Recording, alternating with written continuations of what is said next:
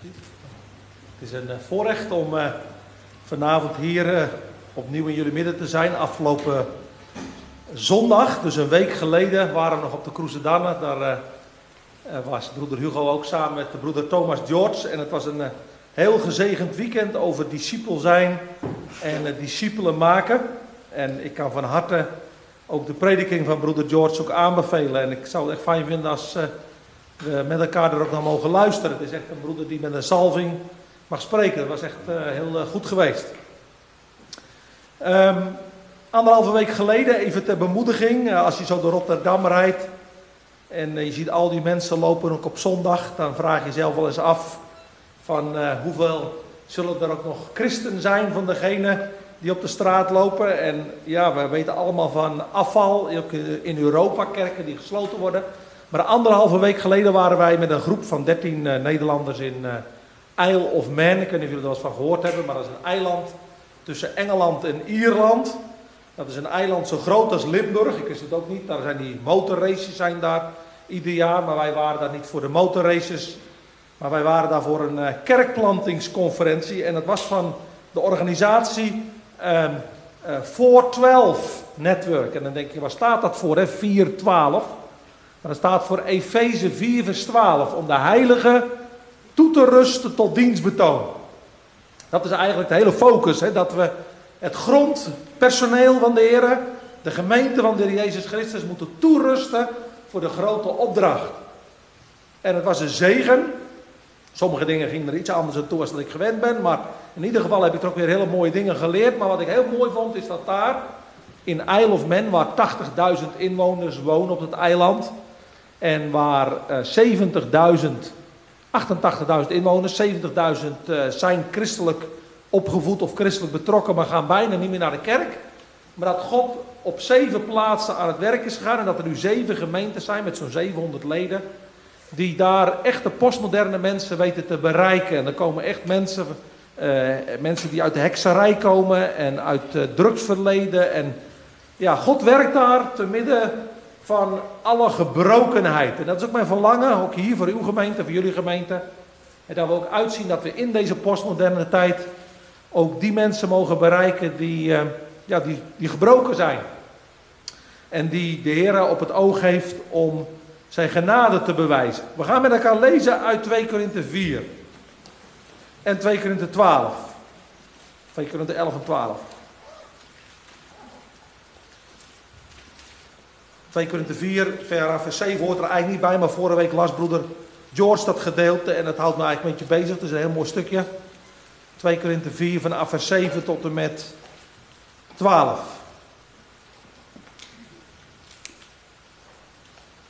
De schat, namelijk van het uh, verstaan, het kennen van de heerlijkheid van God die ons bekend is geworden in de genadeboodschap, in de persoon van Jezus Christus. Maar wij hebben de schat hebben wij in aarde kruiken. Opdat de alles overtreffende kracht van God zou zijn en niet uit ons. Wij worden in alles verdrukt, maar niet in het nauw gebracht. Wij zijn in twijfel, maar niet vertwijfeld. Wij worden vervolgd, maar niet verlaten. Neergeworpen, maar niet te gronden gericht. Wij dragen altijd het sterven van de Heer Jezus in het lichaam mee. Opdat, met het doel dat ook het leven van Jezus in ons lichaam openbaar wordt. Want wij die leven worden voortdurend aan de dood overgegeven. Om Jezus wil. Opdat ook het leven van Jezus openbaar wordt in ons sterfelijk vlees. Zo is dan de dood werkzaam in ons, maar het leven in u. We gaan naar 2 Korinthe 11, vers 23. Er staat boven roemen in veel lijden. Ik heb begrepen dat afgelopen zondag hier ook over lijden is gepreekt. Ik hoop dat de boodschap een beetje duidelijk bij aan mag sluiten, weer verder gebracht mag worden. Zijn zij dan dienaars van Christus? Ik spreek als een waanzinnige. Ik sta boven hen in ingespannen arbeid veel vaker, in slagen bovenmate, in gevangenissen veel vaker, vaak in doodsgevaar. Van de Joden heb ik, Paulus, vijfmaal de 40 min 1 zweepslagen ontvangen.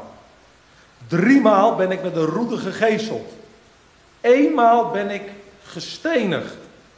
Driemaal heb ik schipbreuk geleden. Een heel etmaal heb ik in volle zee doorgebracht.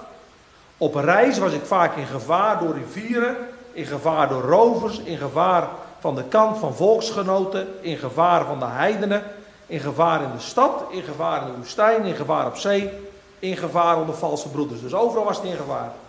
In inspanning en moeite vaak, in nachten zonder slaap, in honger en dorst, vaak in vasten, in koude en naaktheid. Afgezien van wat van buiten afkomt, overvalt mij elke dag de zorg voor alle gemeen. Eens indenken wat die man op zijn hart heeft gehad. Als iemand zwak is, zou ik dan omwille van hem niet zwak zijn? Struikelt iemand, zou ik dan niet branden van verontwaardiging, van ijver, van zorg en van verdriet? Als er geroemd moet worden, dan zal ik roemen in mijn zwakheid. De God en Vader van onze Jezus Christus, die te prijzen is tot een eeuwigheid, weet dat ik niet lieg. In Damascus liet de stadhouder van koning Aretas de stad van de Damaskenen bewaken, omdat hij mij gevangen wilde nemen. En ik zou zeggen, halleluja, door een venster werd ik in een mantel de muur neergelaten en ontvluchtte zo zijn handen. En dan gaat Paulus die gaat beschrijven over wat hij voor bijzondere openbaringen en verschijningen en woorden van de Heer heeft gehoord. Hij is in de derde hemel opgetrokken geweest. En hij wil daarin niet roemen. Dan zegt hij in vers 7, dat zijn de laatste versen die ik lees, daar ga ik over preken. En opdat ik mij door het alles overtreffende karakter van de openbaringen niet zou verheffen, is mij een doren in het vlees gegeven, een engel van de Satan, om mij met de vuisten te slaan. Opdat met het doel dat ik mij niet zou verheffen. Hierover heb ik de Heer driemaal gesmeekt, dat hij, die engel van Satan, van mij weg zou gaan. Maar hij, de Heer, heeft gezegd tot mij: Mijn genade is voor u genoeg. Want mijn kracht wordt in zwakheid, in jouw zwakheid volbracht.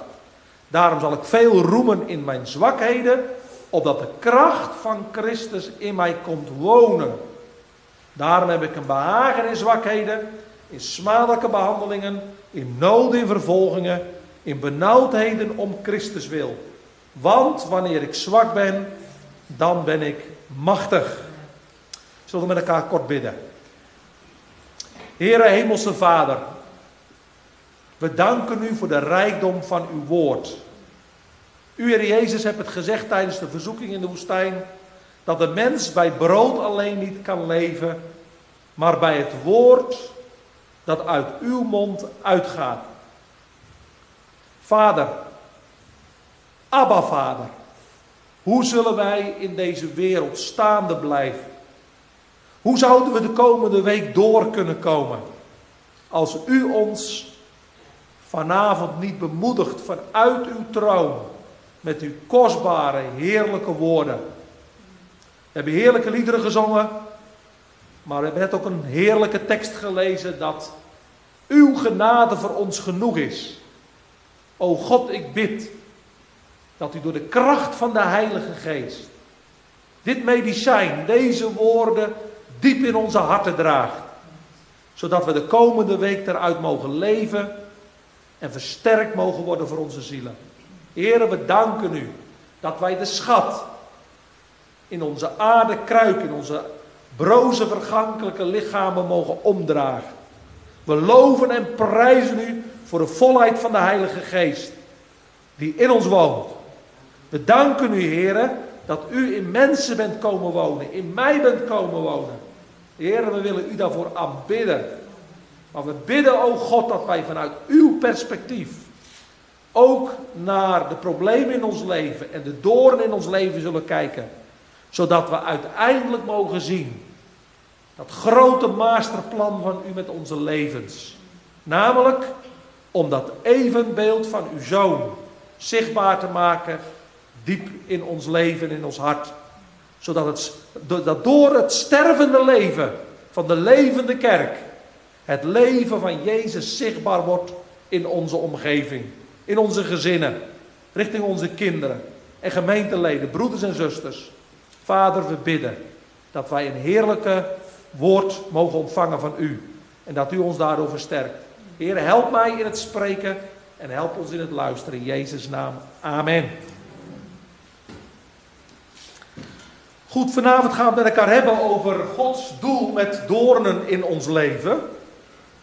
Gods doel met doornen in het leven van de christen. En ik wil maar beginnen met even de vier punten te noemen.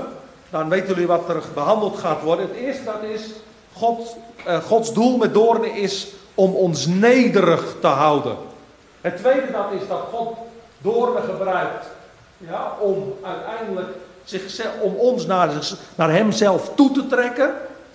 Paulus zegt, ik heb de Heer driemaal gesmeekt. Dus hij zocht het aangezicht van de Heer. Dus God gebruikt doornen om ons in zijn nabijheid te brengen, om hem dicht naar hem toe te trekken. Het derde wat we met elkaar gaan zien is dat God doornen gebruikt om zijn genade in ons leven te weerspiegelen. Zodat Gods genade gaat schitteren in ons leven. En het vierde wat we nog zullen zien, dat is dat God doornen gebruikt om zijn kracht in onze zwakheid te openbaren. Dus Gods doel met doornen in het leven van de christen. Nou, we beginnen met een plaatje. En dat is uh, een mevrouw die heel oud is geworden. En we hebben zojuist hebben we van haar een lied gezongen. Haar naam is Fanny Crosby. Ze leefde van 1820 tot 1915. En ze was een Amerikaanse schrijfster van prachtige liederen. Ze heeft in haar leven ongeveer 8000 christelijke gezangen geschreven. Maar dat is op zichzelf niet zo bijzonder dat ze zo productief is geweest. Het bijzondere is geweest dat zij eigenlijk vanaf heel jong al blind is geweest. Daarom is het een beetje een aparte foto. Je ziet het ook op de volgende foto. Daar zit ze hier rechts. Dan is ze een tiener. Maar wat is er gebeurd met Fanny? Toen ze zes weken oud was, toen kreeg ze een oogontsteking en de arts, de huisarts, die was niet voorhanden. En toen is daar een amateur-doktertje langsgekomen en die heeft toen ze zes weken oud was compressen op haar ogen gelegd. En dat is helemaal fout gegaan. Ze is door die compressen blind geworden. Voor de rest van haar leven. Ze was één jaar oud toen haar vader overleed. En ze is opgevoed door de moeder en door de oma. En die hebben dag in dag uit haar het woord uh, gememoriseerd. Uit het hoofd geleerd. Ze kon hele gedeeltes kon zij uit haar hoofd. Nou, op, het, op haar vijftiende, ik denk een beetje zie misschien vijf jaar oud, misschien wel wat ouder, maar ging zij naar een blindeninstituut. En daar heeft ze uh, muziekinstrumenten leren bespelen. Ze is daar getrouwd. En ze heeft samen met haar man heeft ze een baby gekregen, maar wat een drama. Dat kind overlijdt ook al heel jong op vierjarige leeftijd. Hun enige dochter, Francis, die overlijdt. Maar weet je wat nou zo bijzonder is aan Fanny? Dat ze al heel jong een heel teer leven met de Heer had. Moet je luisteren wat ze zegt toen ze negen jaar oud was. Ze zegt, oh wat een gelukkige ziel ben ik. Hoewel ik niet kan zien, ik ben voor mezelf vastbesloten dat ik in deze wereld altijd tevreden zal zijn. Hoeveel zegeningen geniet ik die andere mensen niet hebben? Huilen en zuchten vanwege het feit dat ik blind ben, dat kan ik niet en dat zal ik nooit doen in mijn leven. Negen jaar oud. Later zegt ze, als ze ouder is, ze zegt, het schijnt voorbestemd te zijn door de gezegende voorzienigheid van God, dat ik mijn hele leven blind zou zijn. En ik dank hem hiervoor. Als mij morgen perfecte nieuwe ogen werd aangeboden, zou ik het niet accepteren. Ik zou misschien geen gezangen tot Gods lof gezongen hebben als ik afgeleid zou zijn geweest door de mooie en interessante dingen om mij heen. Als ik in de hemel kom, zal het eerste gezicht dat mijn ogen zal verblijden, dat van mijn heiland zijn. Ongelooflijk hè, hoe iemand in de gebrokenheid van zijn leven zegt, ik ben altijd tevreden en ik accepteer dat God dat mij heeft gegeven om uiteindelijk hem dieper te leren kennen. Een blinde vrouw, kwetsbaar en zwak, maar geweldig door God gebruikt. Want we hebben net met elkaar weer dat lied gezongen, het is. Blessed assurance, volle verzekering. Jezus is mij. De Heer heeft dat willen gebruiken, die gebrokenheid. Dat zij de schrift als het ware uit haar hoofd kende. Dat zij uiteindelijk prachtige liederen heeft gedicht. En dat wij op de dag van vandaag kunnen zingen met elkaar. Ook het mooie lied volle bewustheid. Hij leeft voor mij. Dat geeft mij blijvend heerlijk genot. Ik mag altijd wandelen aan Jezus zij. Ik mag nu steeds leven voor mijn God. Kijk, en dat is het leven wat Paulus ook heeft leren kennen. Paulus, die was vol van zelf. We kennen allemaal het verhaal dat hij briesend als het ware onderweg is naar Damascus om mensen, om christenen te vervolgen. En hij dacht het allemaal te doen vanuit goede motieven. Maar toen op een dag greep God hem in de kraag. Toen op een dag, toen dat felle licht verscheen, en de Heer zei, Saul, Saul, wat vervolgt gij mij? Toen werd hij stilgezet. En toen ging hij Gods genade ervaren. Toen mocht hij weten hè, dat hij als een vijand met God verzoend was. En toen is Paulus door God geroepen om onder de heidenen het evangelie te verkondigen. Maar de Heer had al gezegd, hij zal heel veel moeten lijden voor mijn naam. Die sterke persoonlijkheid zou op een machtige wijze door God gezegend worden. Maar tegelijkertijd moest hij ook laag bij de grond blijven. Moest hij een gebroken mens worden. Nou, en Paulus die gaat het evangelie brengen in de gemeente van Korinthe. Een heidense stad. En uh, ja, die doorn in het vlees, ik ga er straks nog wat over zeggen. Sommigen zeggen wel eens geweest, ja, het heeft alles te maken met dat, dat Paulus, uh, ja, moet ik zeggen, een, bevreesde man was. Hij zegt op een gegeven moment in de Korinthe, 1 Korinthe 3, ik was onder, of 1 Korinthe 2, ik was onder jullie met knikkende knieën, met veel vrees en beven, maar het woord was in betoning van de Heilige Geest en met kracht. Sommigen denken wel eens, ja, dat die knikkende knieën, dat is zijn doorn geweest. Ik denk het niet.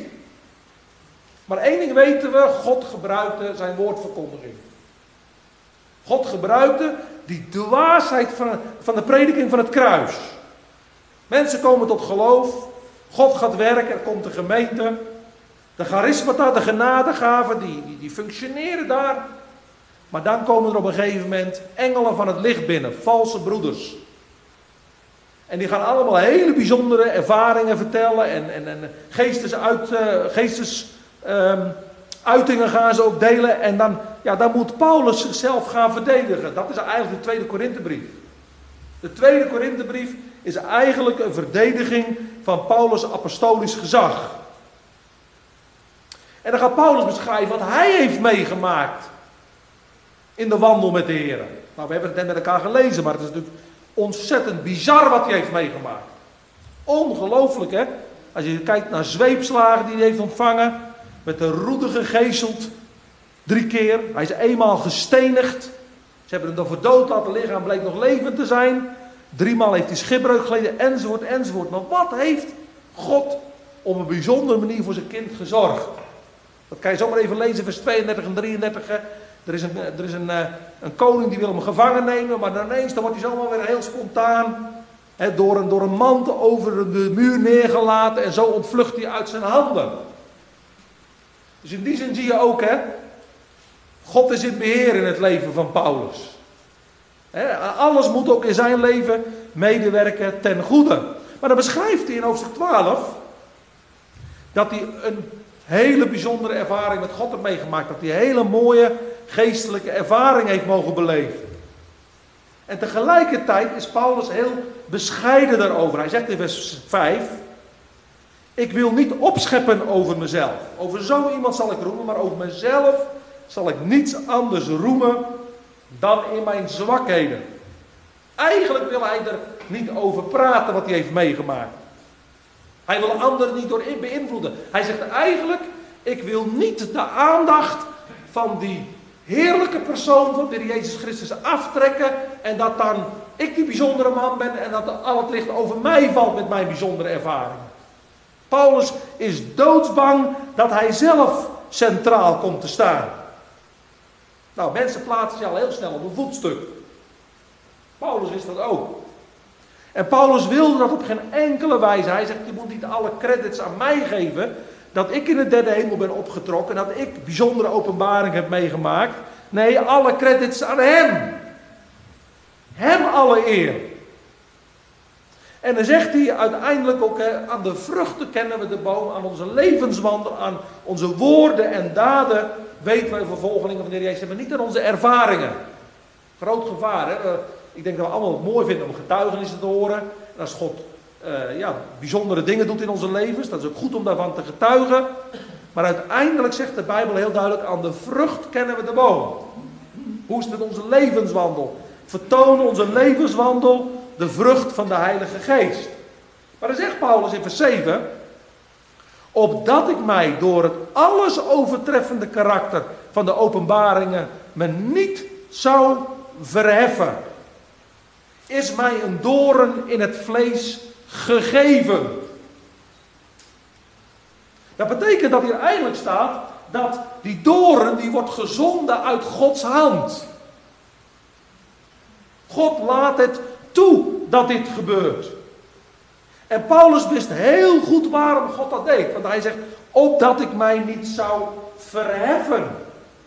Opdat ik er niet zelf genoegzaam of trots door zou worden. Opdat ik niet hoogmoedig zou worden. Nee, zegt Paulus, God heeft mij een doorn gegeven in het vlees om mij klein te houden, om mij afhankelijkheid te leren.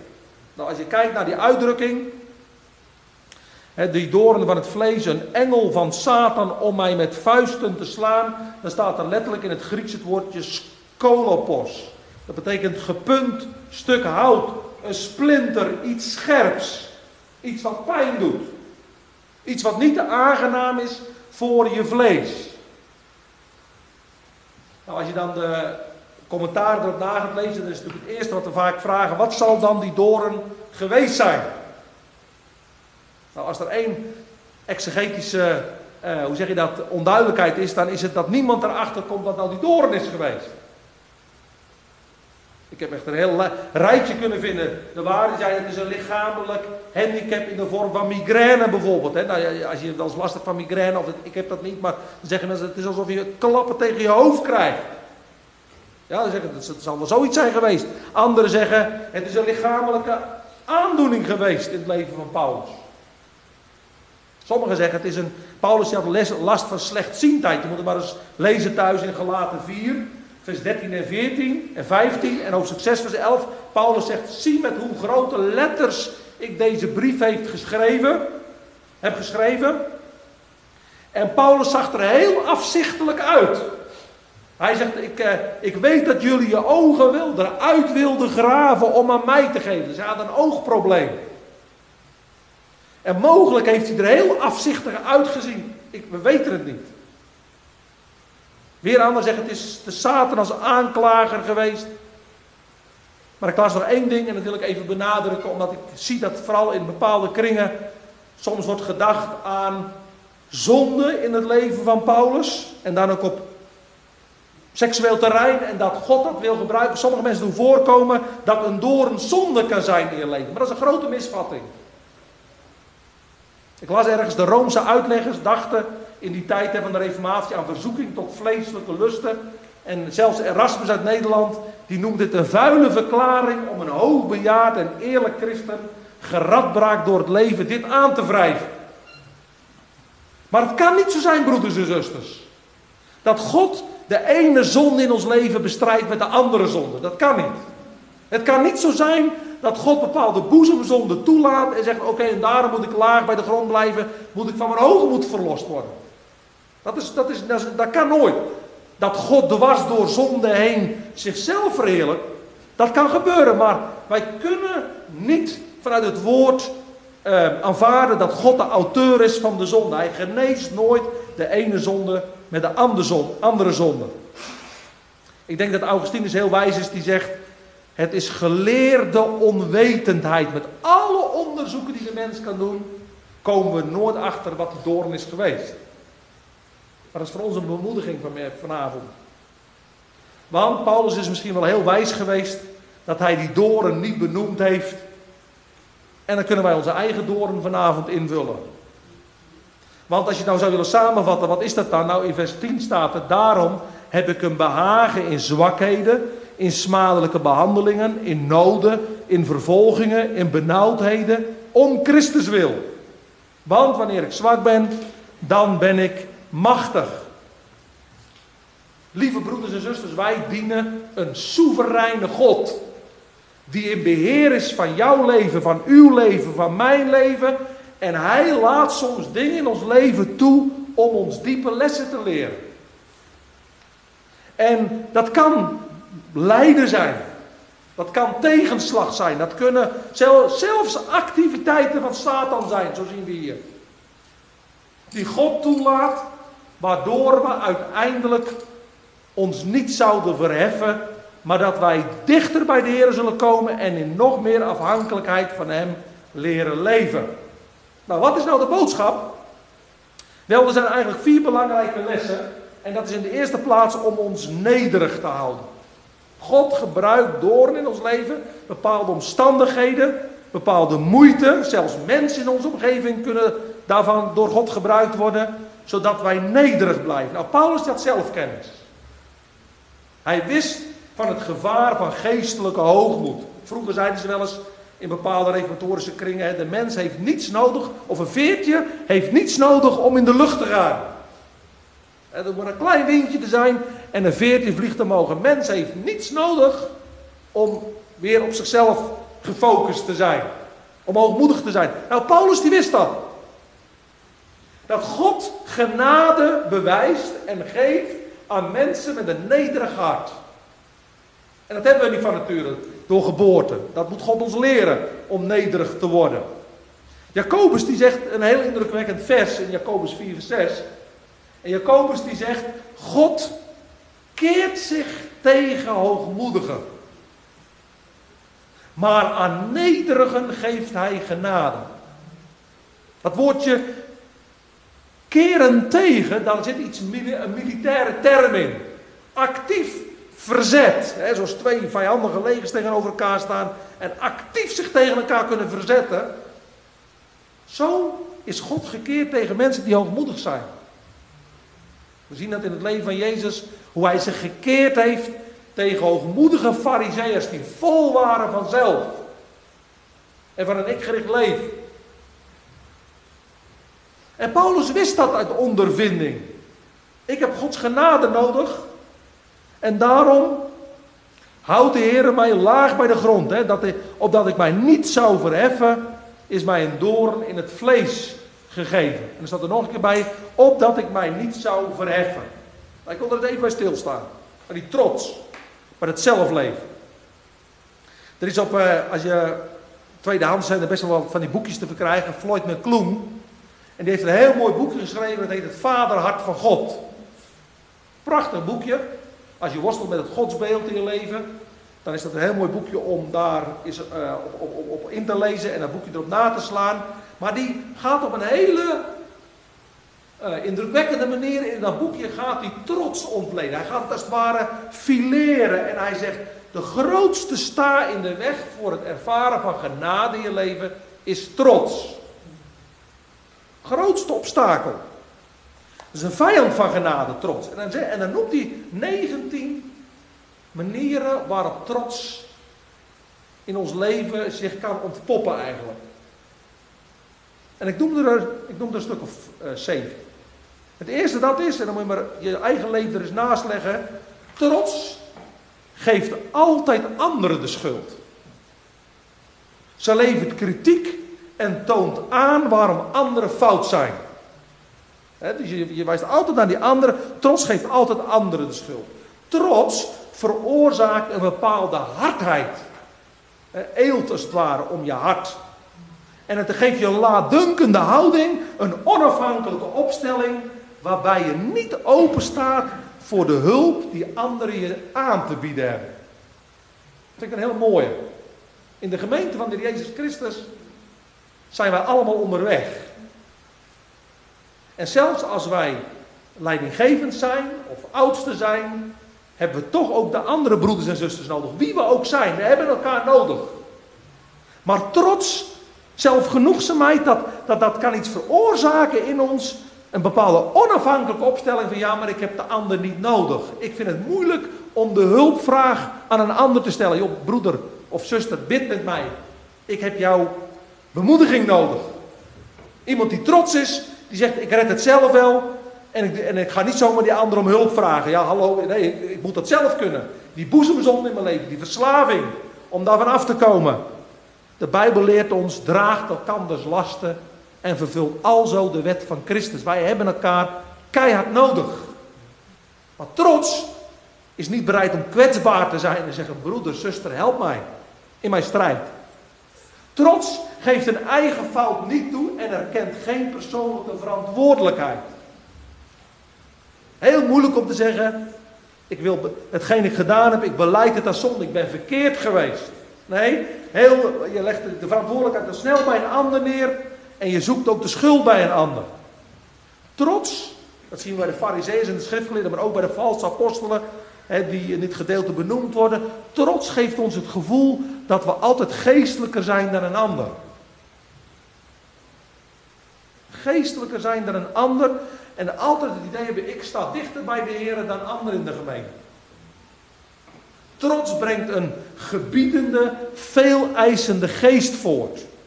En het gevolg is, ik concentreer me niet meer op, op hetgeen niet voor mij is gedaan, maar op wat wel voor mij is gedaan. En dus je bent eigenlijk altijd ontevreden, want, want, want, want, want je hebt een veel geest. Trots is veel bezig, vind ik ook een hele mooie. Trots is veel bezig met het verleden of met de toekomst. Maar trots is nooit tevreden met het heden. Ik ben, ik ben grootgebracht in een gezin van negen kinderen. En ik had een moeder die, uh, hoe moet ik zeggen, die met de heren leefde. Maar één ding heb ik echt van haar altijd uh, uh, meegekregen. Of het is er één ding, meerdere dingen. Maar dat, wat ik weet is dat ze altijd ontzettende hekel had als we als kinderen ontevreden waren. Dat vond ze een verschrikkelijke zonde, ontevredenheid. Als we zien op wat God ons allemaal heeft gegeven. Alles is genade, broeders en zusters. Dat we hier zitten. Het is pure genade. De Bijbel leert ons, Romeinen 3, dat we helwaardig zijn. We hebben de hel verdiend met elkaar. En alles wat we in ons leven krijgen is genade. Die boterham die we vandaag gegeten hebben. En dat glas drinken. En het water wat we vandaag gedronken hebben. Het is genade. 10.000 redenen om tevreden te zijn. Om dankbaar te zijn. Trots opent de deur voor een mindset of een, een, houding die zich niet laat corrigeren door anderen of onderwijzen. Trots, en dat is de laatste, is de wortel van een negatieve houding, veroordeling, kritiek, laster en kwaadsprekerij. Trots roddelt, breekt af, brengt schade toe aan iemands reputatie en geniet van berichten over mislukkingen en zonden. Nou, de vraag is, is dat herkenbaar in ons leven? Ik denk dat we allemaal soms momenten kunnen hebben waarin God weer door zijn Heilige Geest licht laat vallen over gebieden in ons leven waar we misschien toch wel weer tevreden zijn of dat we zelf genoegzaam zijn. En daarom gebruikt God doornen in jouw leven, in mijn leven, zodat wij de Heer nodig hebben, zodat de Heer zijn genade aan ons kan bewijzen, dat God genade kwijt kan. Nou, het tweede dan is dat God doornen gebruikt om ons zijn vaderhart te doen leren kennen. Zodat wij in die intimiteit met hem komen, om onszelf naar hem toe te trekken. We lezen hier in 2 Korinther 12, hè. Uh, hierover heb ik de Heere driemaal gesmeekt. Als een bedelaar heeft hij de overwinnende God aangeroepen. Paulus wist wat overwinningsleven was. Paulus was iemand die heel veel op de leerschool van de Heilige Geest had geleerd. En toch lezen wij hier dat hij gesmeekt heeft tot God. Dat die Satan, die engel van Satan, van hem weggenomen zou worden. Misschien heeft hij wel in de naam van Jezus de boze bestraft. Dat zou goed kunnen. Dat, dat, dat zou heel goed kunnen. We weten niet wat hij precies gebeden heeft, maar hij heeft de Heer in ieder geval gesmeekt. En het antwoord is Nee. Soms dan kunnen we misschien het idee hebben dat God ons niet hoort, maar nee is ook een antwoord. Paulus krijgt nee te horen. Kijk, God verwijdert uiteindelijk die engel van Satan niet uit zijn leven. God gebruikt het om uiteindelijk Paulus ook in zijn nabijheid te krijgen. God had een doel met die door, een veel hoger doel dat Paulus in eerste instantie niet begreep misschien. Totdat hij uiteindelijk erom bidt en licht erover krijgt. En uiteindelijk zegt de Heer, mijn genade is voor jou genoeg. Maar dit kunnen we ervan leren. Dat doornen iets uitwerken op ons gebedsleven. Moeilijke periodes in ons leven. Tegenvallers. Doornen samengevat. Benauwdheden. Zorgen. God laat het gebeuren in ons leven zodat we uiteindelijk in die intimiteit met Hem komen. Zijn woord leren kennen, zijn hart leren kennen. Dat wij ja, God leren vertrouwen te midden van alle omstandigheden. Nou, ik heb hier een foto, de volgende, en dat is. Uh, ik ga even door, oh, sorry dat dat. Ja? Ik ga niet helemaal goed zoals maar de volgende, ja, ja, terug.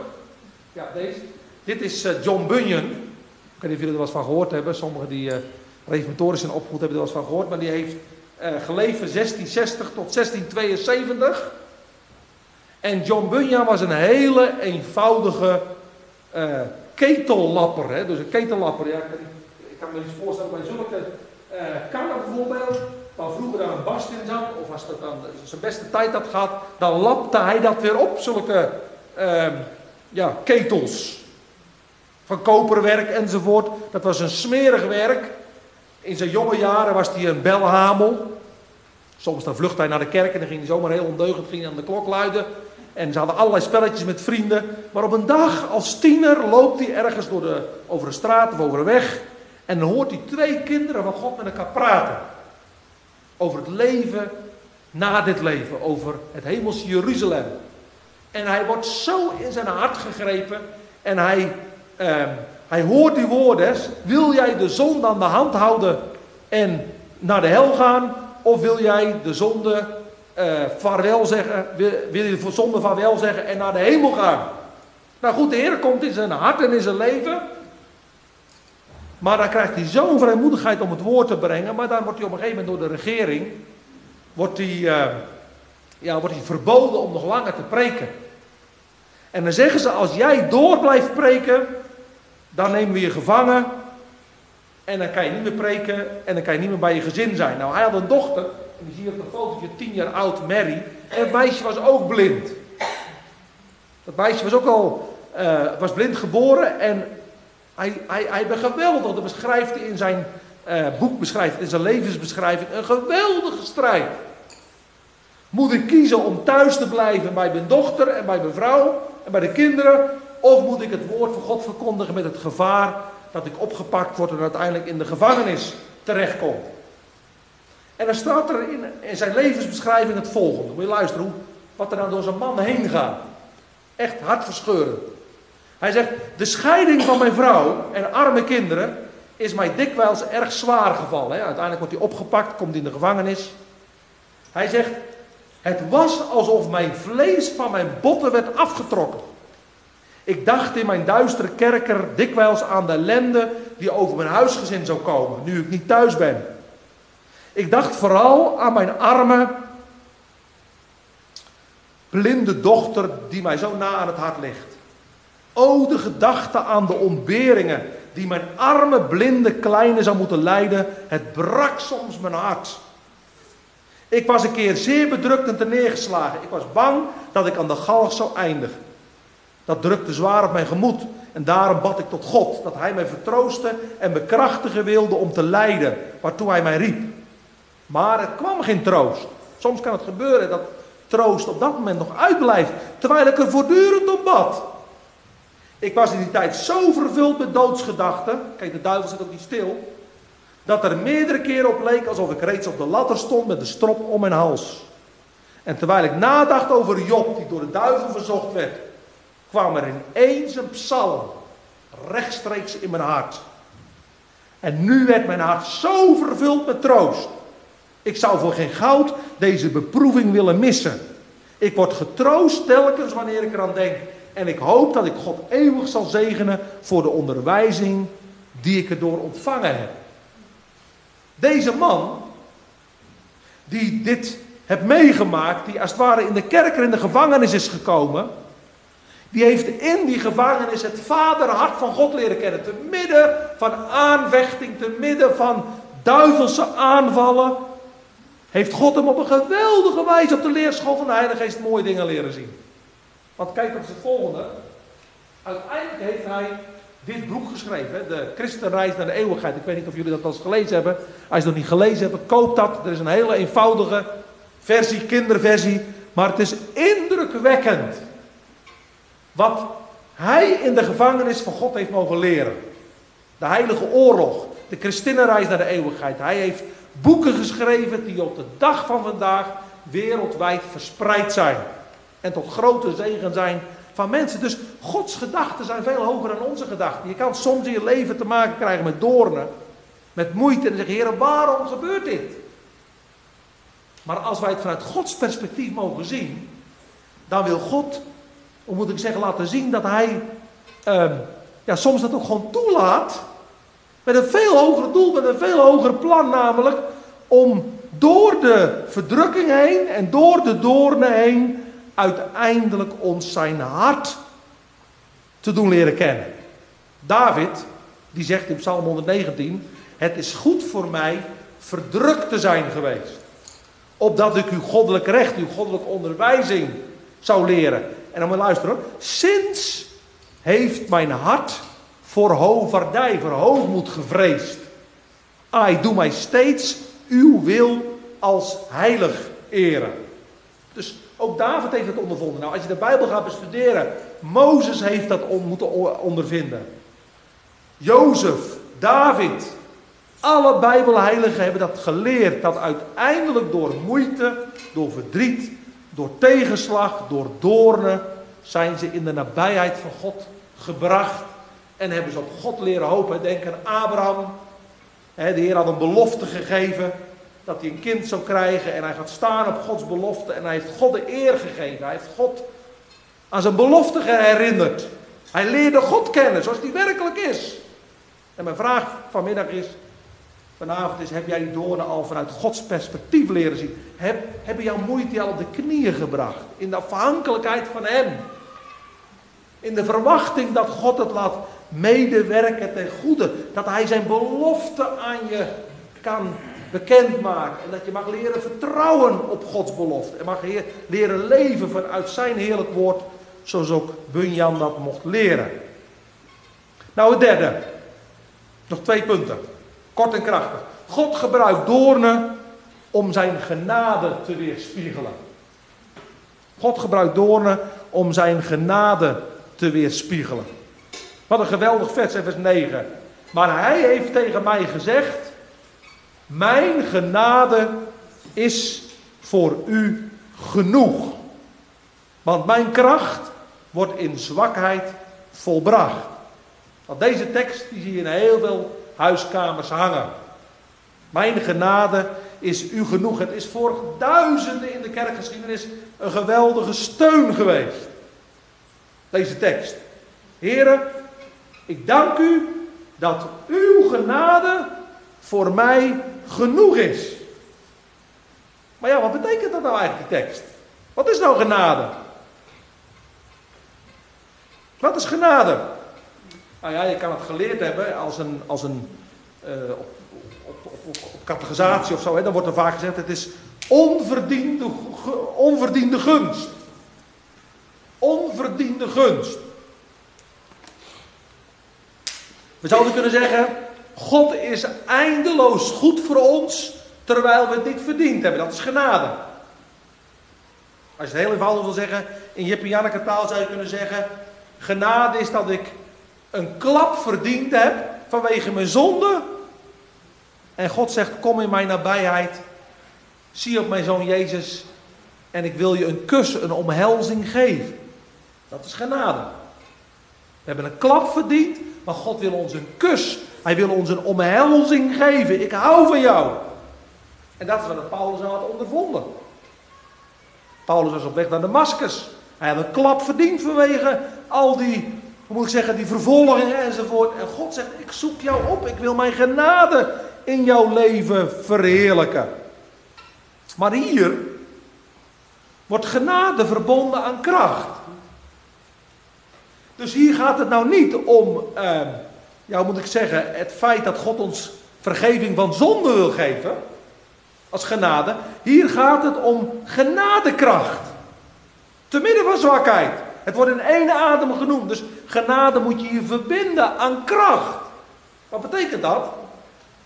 Nou, de Heer zegt hier, weet je, te midden van jouw doornen, te midden van jouw moeite, te midden van je eenzaamheid, te midden van het dagdagelijkse leven, mag je weten dat ik jouw liefdevolle vader ben. Ik hou je vast. Het goede werk wat ik in jou begonnen ben, dat zal ik afmaken. We hebben het gezongen op Psalm 138. De Heere is zo getrouw als sterk hij zal zijn werk voor mij volenden. Verlaat niet wat uw hand begon, o levensbron, wil bijstand zenden. Maar hij is een liefdevolle vader, maar die elke dag mij dusdanig kracht geeft, dat de schouders als het ware sterk genoeg zijn om die doornen te dragen. Ik ga er niet aan onderdoor. Dat is wat hier eigenlijk bedoeld wordt. Dus als je het woord de genade leest, dan denken wij heel vaak gelijk aan dat prachtige lied hè, van uh, John Newton, hè, Amazing Grace. Prachtig lied. Die man dat was een schurk. Over de ruggen van anderen heeft hij miljoenen ponden verdiend. Hij heeft heel veel uh, uh, slaven verhandeld. Maar op een dag bewijst de Heer zijn genade en dan zingt hij, hè, dat, maakt hij dat prachtige lied Amazing Grace. Maar hier gaat het niet zozeer over het wonder dat God naar vijanden omkijkt. Hier gaat het over de kracht voor het dagelijkse leven. En ik merk in het pastoraat en in de dagelijkse zorg dat zoveel mensen denken ja, dat dat kruis wat ze krijgen in hun leven, dat dat te zwaar is. En ik kan nou even niet zeggen, ik weet niet waar het voorbeeld staat, maar er is ergens een voorbeeld van iemand die een kruis heeft en er ontevreden over is. En dan zegt de Heer van, nou ja, wil je naar een ander kruis? En dan lopen ze over een veld met allemaal kruisen. En, en, en, en dan zeggen ze, nou, nee, dat kruis wil ik ook niet. Nee, dat kruis wil ik ook niet. Zeggen, nee, dat kruis, dat wil ik. Dan zegt de ja precies. Dat is nou net het kruis wat ik jou gegeven heb. Dus God geeft ons allemaal iets waardoor wij in afhankelijkheid leren leven. Waarin wij moet ik zeggen, ontdekt worden aan onze trots en onze zelfgenoegzaamheid. Waardoor wij zijn genade kunnen ontvangen in ons leven. Maar hij geeft ons een dusdanige genade, een dusdanige kracht, dat hij als een liefdevolle vader ervoor zal zorgen dat onze schouders niet zullen bezwijken. We zullen er niet aan onderdoor gaan, te midden van die mislukking in ons leven, die ziekte, die burn-out, dat ontslag. Dat onbegrip op je werk. Die tegenslagen en die tegenwerkingen. Nee, Gods genadekracht is sterk genoeg om elke situatie in jouw leven te overwinnen. Dat moeten we goed onthouden. hij wil je tot een overwinnaar maken in jouw huidige situatie. Hij wil jou vervullen met de Heilige Geest, zodat jij het vol mag houden. Nou, Paulus wordt niet verlost van die doorn. Maar hij krijgt genade van God om het te dragen. Mijn genadekracht is voor jou genoeg. Ik draag jou er doorheen. Ook al ervaar jij zwakheid in je leven. Moest denken ook bij de voorbereiding aan het lied van uh, Sela. Hè, van ik zal er zijn in tijden van vreugde, maar ook van verdriet. Zijn genade is sufficiënt, is genoeg in onze omstandigheden. Genoeg, elke dag, even, eh, elke dag genoeg om door het leven heen te komen. En de Heer die fluistert het vanmiddag, als het ware in onze oren. Heel liefdevol. Mijn kind, luister mijn kind, mijn genade is voor jou genoeg. Stil, mijn ziel, wees stil. Want God omgeeft je steeds te midden van je beproevingen en zorg. Mijn kracht wordt in zwakheid volbracht. En dan het laatste punt. God gebruikt doornen om zijn opstandingskracht te openbaren. Het woordje hier in mij komt wonen, dat duidt op een tabernakel. Waar de heerlijkheid van de Heer in komt wonen, waar de heerlijkheid van de Heer verschijnt. Maar God komt door de Heilige Geest in ons wonen om ons lichaam tot zijn tempel te maken, om zijn kracht te demonstreren. Bovennatuurlijke kracht. En ik merk vaak in het pastoraat, soms zijn wij zo hardleers. Ik denk dat wij echt soms nog allemaal, ik sluit mezelf te in, toch nog vaak geloven in de restauratie van de oude mens. dat we toch vaak weer proberen dat zelfleven toch wat beter voor te doen. En we proberen wat te restaureren. Dat het allemaal heel wat lijkt. Maar vroeger zeiden ze wel in bepaalde kringen. God gaat een afbrekend werk doen in ons leven. Ik geloof dat God ons echt. Hij gaat ons niet psychisch verruineren. Maar hij gaat wel dat zelfleven gaat hij aan het licht brengen. Hij maakt de afgronden van ons hart openbaar. Hij kan daar het huwelijk voor gebruiken. Hij kan je eenzaamheid ervoor gebruiken. Hij kan alles gebruiken opdat wij gaan zeggen, Heer, ik ben zwak. Leid mij, Heer, machtig heiland in het leven aan uw hand. Ik ben zwak. Maar gij zijt machtig. Wees mijn gids in het barre land. Maar voordat we zeggen, ik ben zwak. Dan moeten we vaak uh, nog heel wat meemaken in ons leven. Heer, ik weet dat in mijn vlees geen goed woont. Heer, ik kan het niet meer. Oh mijn kind, dan ben je op de goede plek. Want dan kan ik mijn bovennatuurlijke kracht in jou openbaren. Dat is het, dat is het christenleven.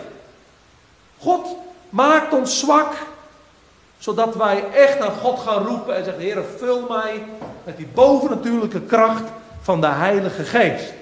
Nou, dat staat eigenlijk een beetje haaks op wat we vandaag de dag meemaken in de psychologie en in de hedendaagse uh, bedrijfswereld, in, in, in het bedrijfsleven. We zeggen, je moet, je moet sterk zijn.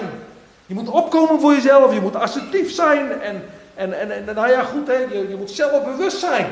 Allemaal opbouw van zelfleven. Hoe tegendraads is het evangelie, hè? Het evangelie zegt, ja, maar wil je mij volgen?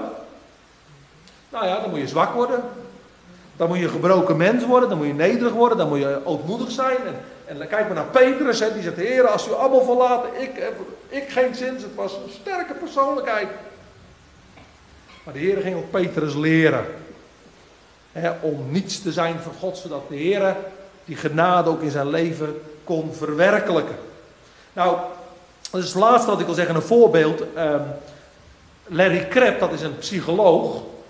En die heeft een boekje geschreven, Verbondenheid. En die spreekt daarin ook over gebrokenheid. Over wanneer we zwak zijn. En dan gebruikt hij het voorbeeld van een geknikte tuinslang.